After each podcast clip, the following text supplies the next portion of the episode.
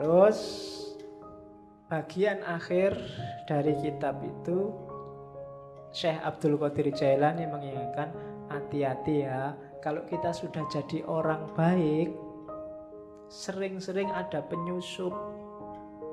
Penyusupnya itu apa? Sifat-sifat buruk yang kita tidak sadar.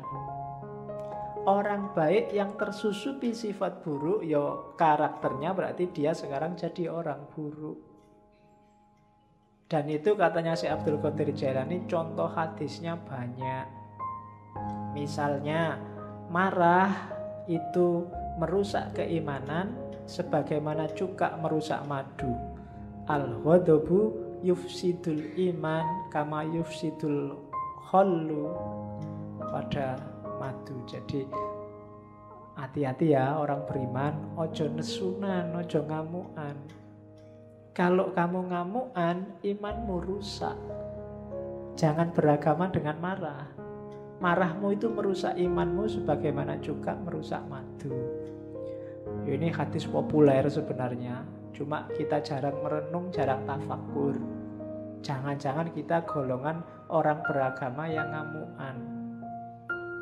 Begitu kamu ngamuan, ya berarti imanmu rusak. Kayak madu yang dirusak oleh cuka. Ada lagi contohnya, al hasadu yakulul hasanat kama takulun narol khatoba ini apalan zaman sanawiyah dulu. Hasad itu membakar kebaikan sebagaimana api membakar kayu. Hasad itu seneng lihat orang lain sumpek dan sumpek lihat orang lain seneng. Itu namanya hasad. Kalau kamu hasad kebaikanmu habis terbakar.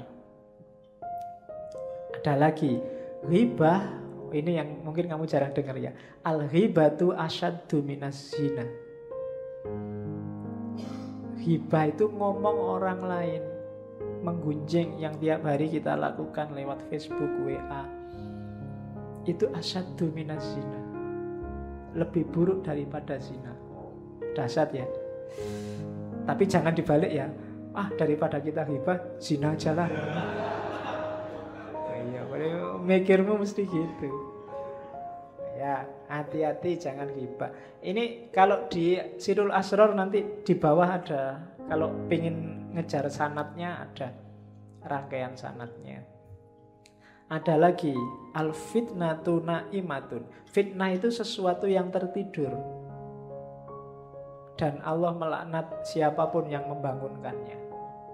Siapa yang suka fitnah, bikin berita hoax, Allah akan melaknatnya. Orang bakhil itu tidak akan masuk surga meskipun dia abid atau zahid. Ada lagi riak itu syirik khafi. Syirik yang tersamar.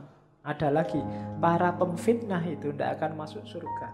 Annamamu layat hulul jannah. Ini hadis-hadis yang menunjukkan sebaik apa pun kamu, kalau menyusup dalam dirimu sifat-sifat buruk, maka tidak ada gunanya kebaikanmu semuanya. Ibadahmu, kesolehanmu, segalanya akan rusak kalau dia masuk sifat-sifat buruk. Namanya orang-orang yang mufsidin, rusak dan merusak. Maka hati-hati dengan moralmu, mentalmu. Oke, ini kalimat penutup kalau di Sirul Asror yang bagi ayyakuna lisaliki fatonan basiron nadiron ila khawatimil umur. Seyogyanya karena kita di Jogja. Ayo kan yang bagi kan sejogjanya. Masuk sesolonya kan enggak? Oke, sejogjanya seorang salik itu harus fatonah, pinter, cerdas, basiron, mampu membaca realitas rohani itu basiroh. Nadhiron mampu melihat realitas materi ila khawatimil umur hingga ke apa hakikat segala sesuatu. Jangan tertipu seorang salik wayatafakkaru fi idbariha dan berpikir bertafakur mencari hikmah terhadap peristiwa yang sudah terjadi. Walayah walayah tarro bidhohiril ahwal. Dan tidak tertipu dengan zohirnya sesuatu zohirnya satu kondisi. Jangan ketipu dengan lahirnya. Fakodita fako ahlat tasawufi. Dan sudah bersepakat sungguh telah sepakat para ahli tasawuf annasalika ilal ahwal yahfalu an muhawwiliha bahwa seorang salik yang hanya ambisi mengejar ahwal biar dapat karomah, biar naik derajatnya, biasanya melupakan orang yang memberikan ahwal yaitu Allah. Itu salah satu ketertipuannya. Kayak seperti firman Allah, "Fala ya'manu makrallahi illal qaumul khasirun." Dan tidak akan merasa aman dari tipu daya Allah kecuali orang yang rugi. Jangan merasa sudah benar, sudah selamat, sudah pas.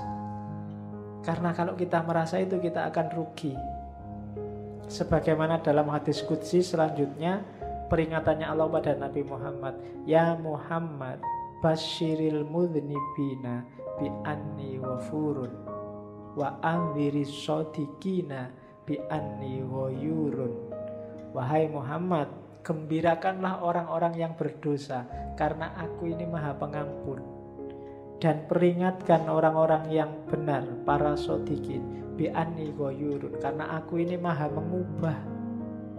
Jangan gembira dulu orang-orang yang hari ini merasa benar Karena Allah maha mengubah. Satu peristiwa kecil Bisa mengubah orang-orang sodik Jadi orang-orang terlaknat. Dan Mudhnibin jangan putus asa karena Allah maha pengampun. Asal bertobat dan menyesal, insya Allah akan mengampuni. Jadi ya Muhammad basyiril mudhnibina bi anni wafurun wa anziri sodikina bi anni goyurun.